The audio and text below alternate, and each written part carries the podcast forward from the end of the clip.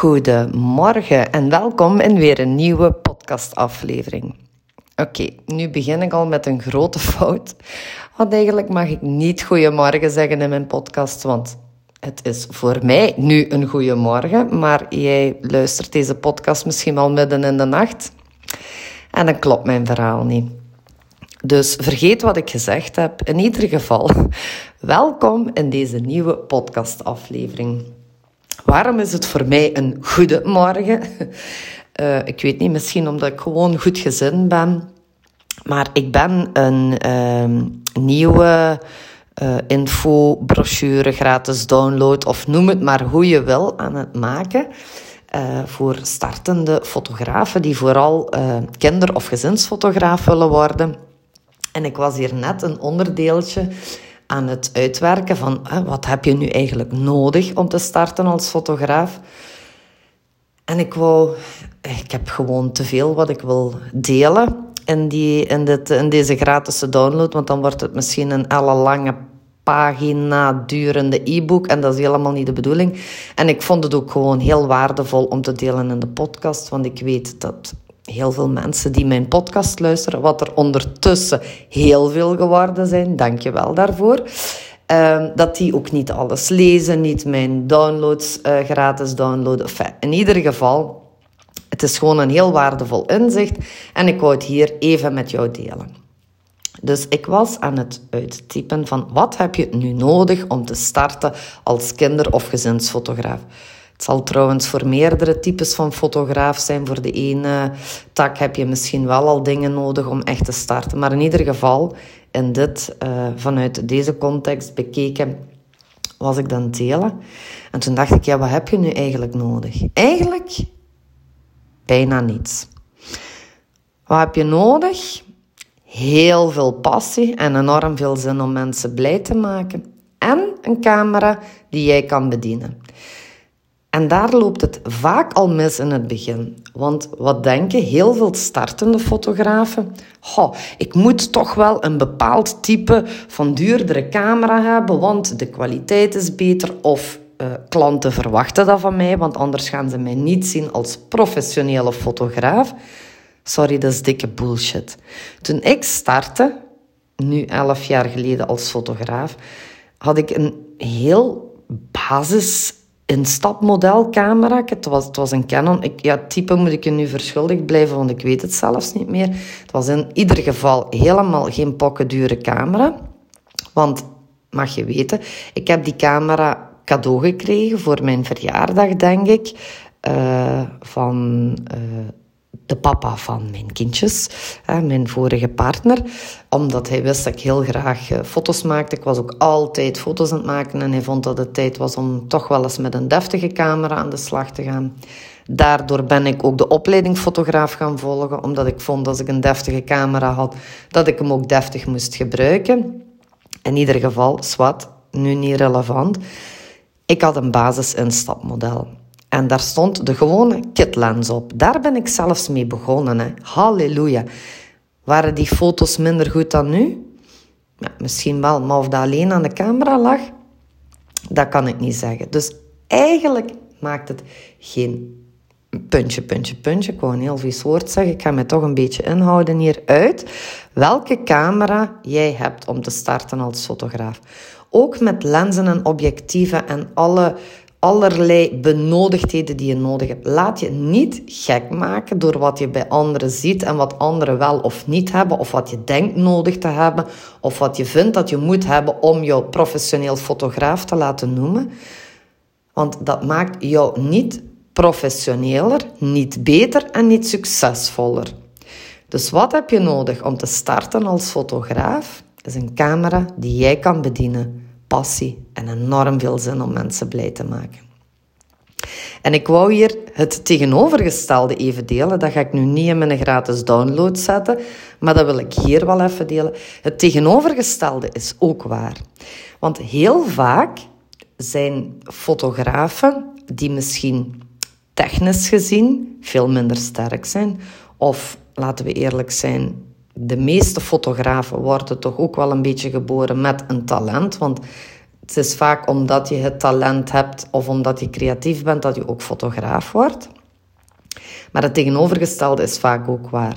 En heel veel van die fotografen, die gaan zich wegstoppen achter dure materialen en heel professioneel ogende laatste nieuwe snufjes, want dan zijn ze een professioneel en een goede fotograaf. En geloof mij, dat is niet waar. En ik ga je ook vertellen waarom. Of wat ik tenminste daarmee uh, heb meegemaakt. De meeste van jullie zullen dat weten. Ik heb uh, tot voor kort, uh, een jaar of vijf, zes lang fotografieles gegeven in het volwassenenonderwijs. Dus het vak fotografie. Van beginner tot de gevorderde fotograaf, zelfs digitale beeldbewerking, Lightroom, uh, noem het maar op. Nu, op een gegeven moment startte ik een nieuwe module. Dus echt basis, digitale fotografie 1. Dus dat is voor mensen die vaak al een toestel hebben of zelfs nog niet, maar echt nog niets kennen, starten vanaf nul. En ik startte de eerste dag met een nieuwe klas. Uh, nu, die klas is voor alle duidelijkheid niet verder kunnen gaan, omdat we uh, te weinig leerlingen hadden in die groep. Die zijn aangesloten met een andere groep. Nu, dat is niet belangrijk, maar uh, in ieder geval, ik heb die personen niet verder kunnen begeleiden. Maar ik wou daar toch een mooie anekdote over vertellen. Een van de cursisten, ik ga geen naam noemen, die uh, was al ruime tijd fotograaf. Die had toen een van de laatste nieuwe Canon uh, full-frame camera's. Ik denk, uh, ja, ik denk op dat ogenblik het zwaarste model dat er was. Die had hele dure lenzen en objectieven, zelfs van die mega zoomlenzen. Ja, die mens die had er een fortuin aan uitgegeven. En de eerste les mag iedereen zich voorstellen. Dus ik liet iedereen aan het woord, ook hem. En hij vertelde, ja, ik ben al een aantal jaren fotograaf. En hij was zelfs te werk gesteld als fotograaf voor een uh, nationale voetbalploeg, zonder namen te noemen. Dus was hij fotograaf tijdens de officiële wedstrijden, uh, dus om de 14 dagen wanneer de ploeg thuis speelde. Dus hij maakte foto's zowel voor de club, voor de website, voor de plaatselijke magazines. Deed hij al jaren, was dus in dienst betalend fotograaf. En toen hij dat verhaal vertelde, en ik had uiteraard zijn materiaal ook al gezien, dacht ik, ja, maar waarom kom jij naar mijn les? Want ik bedoel, dit is basismodule 1. Dit is voor mensen die sommigen überhaupt nog niet weten hoe ze een camera aan moeten zetten. Dus ik stelde hem die vraag en ik zei, ja, waarom kom je nu eigenlijk naar les? Ja, zegt hem, ja, ik loop toch tegen heel wat dingen aan en ik heb eigenlijk nooit een echte opleiding gedaan. Ik heb alles zelf geleerd, uh, YouTube, Google, uh, noem maar op. En ik vond dat het tijd was om toch eens een keer mijn basis te overlopen en te kijken waar ik sta. Op zich is daar natuurlijk helemaal niks mis mee. Het is zelfs heel verstandig om dan een keer mee te stappen in een groep en toch eens te kijken van welke basistechnieken of welke techniek of hoe ver sta ik. We hebben maar één les gehad, dus iedereen deed zijn verhaal. En natuurlijk, de mensen die al een beetje bezig waren met fotografie, die vraag ik dan ook van, ah, deel maar eens wat beelden. Laat maar eens zien waar je mee bezig bent, omdat je vaak dan ook al kan zien hoe um, artistiek iemand is. Ik ga niet zeggen creatief, want nogmaals, iemand die start als fotograaf, die zijn vaak al creatief. Maar het artistieke is toch nog een apart talent. Vaak zijn dat trouwens ook fotografen die niet uh, de kant kiezen van ik word portretfotograaf of trouwfotograaf of kinderfotograaf. Vaak gaan die ook andere dingen doen. Nu dan het midden gelaten, daarom vroeg ik dus om een aantal beelden te delen met mij en met de rest van de klas. En hij deelde uiteraard hele uh, sportieve beelden, um, ja, van alles. En op een gegeven moment zei maar ik heb eigenlijk een vraag. En we zijn nog niet bezig met de les, maar ik heb een vraag, want ik heb een, een concreet probleem waar ik vaak tegenaan loop. En dat is wanneer ik um, een groep, dus tien spelers op een rij fotografeer, dan zijn de buitenste spelers nooit scherp in beeld. En ik dacht, ja, dat is toch een heel simpel antwoord op. Ik bedoel, als jij al enkele jaren professioneel fotograaf bent en dit is jouw specialisatie, dan zou je toch moeten weten hoe je een elftal, tien of elf spelers, allemaal scherp in beeld krijgt. Leek mij heel logisch. Dus ik bekijk de foto, ik vraag naar de instellingen, de gegevens. Nu bleek dat die persoon dus die foto's maakte met een diafragma van 2,8. Ik veronderstel dat jij weet wat ik daarmee bedoel. Dat is dus een grote diafragma-opening. Dat wil zeggen dat je weinig scherpte hebt buiten rond jouw scherpstelpunt. Wat heel logisch is, wat ook heel mooi is, zeker als je portretten gaat fotograferen, want daarmee kan jij jouw portret ehm, ehm, heel mooi scherp in beeld brengen en de achtergrond heel wazig maken. Maar wanneer je een elftal op één rij gaat fotograferen, dan is het toch wel belangrijk om te weten welke diafragma-opening dat je gebruikt. En die cursist wist daar niets van. Ik heb hem dan uitgelegd dat hij best zijn diafragma kleiner maakte, dus een kleinere opening en een groter getal, waardoor dat meer personen scherp in beeld zouden komen. En dat hij best ook zijn scherpstelpunt in het midden van de groep plaatste, want zelfs dat deed hij niet.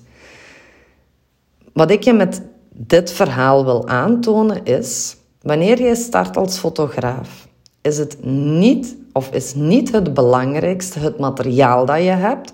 Dat maakt jou geen betere of geen professionelere fotograaf, maar het is wel wat je doet met je materiaal. En het is niet de camera die bepaalt hoe mooi dat de foto is, het is de fotograaf die bepaalt hoe mooi en hoe creatief dat de foto is. Dus ik hoop dat dit een heel waardevol inzicht was. Ik kreeg er ondertussen, ik weet niet of je de plinks hoort, maar ze leiden mij ook af. Heel veel DM's binnen en mailtjes ehm, van andere fotografen, dus ik ga die ook nog beantwoorden. In ieder geval, ik vond het een goed inzicht. Uh, het is een waarde die ik wil delen in een gratis weggever voor mensen die willen starten als kinder- of gezinsfotograaf. En dat wil ik hier ook met jou delen. Um, als de gratis download klaar is, ga ik de link hier ook nog toevoegen aan de show notes van deze aflevering. Moest je interesse hebben en al de rest ook graag een keer lezen en downloaden, dan kan je die hier zeker terugvinden. Het zal nog niet vandaag zijn, ik hoop hem deze week af te hebben, maar hij komt er in ieder geval bij. Dus luister jij de aflevering nu onmiddellijk, kom zeker nog eens terug. Luister je de aflevering volgende week, volgende maand of volgend jaar, dan gaat hij er heel waarschijnlijk onder staan. In ieder geval, bedankt om te luisteren. Ik hoop dat je hem waardevol vond. Als je hem waardevol vond, zou je alsjeblieft mij een aantal sterren willen geven. Want mijn podcast is nu zo fijn aan het groeien. Het geeft mij enorm veel energie om heel vaak heel veel waarde te delen. Je doet er mij dus een enorm groot plezier mee. Op die manier gaat mijn podcast ook sneller gevonden worden door andere fotografen. En ik vind het ook uiteraard heel leuk als je een printscreen maakt, hem tagt, um, nee, nee, mij tagt, maar hem eerst post in je stories en mij tagt, dan kan ik ook zien wie luistert, vind ik heel fijn. En op die manier kan ik ook weer andere fotografen bereiken. In ieder geval, dankjewel voor het luisteren en tot heel snel. Dag!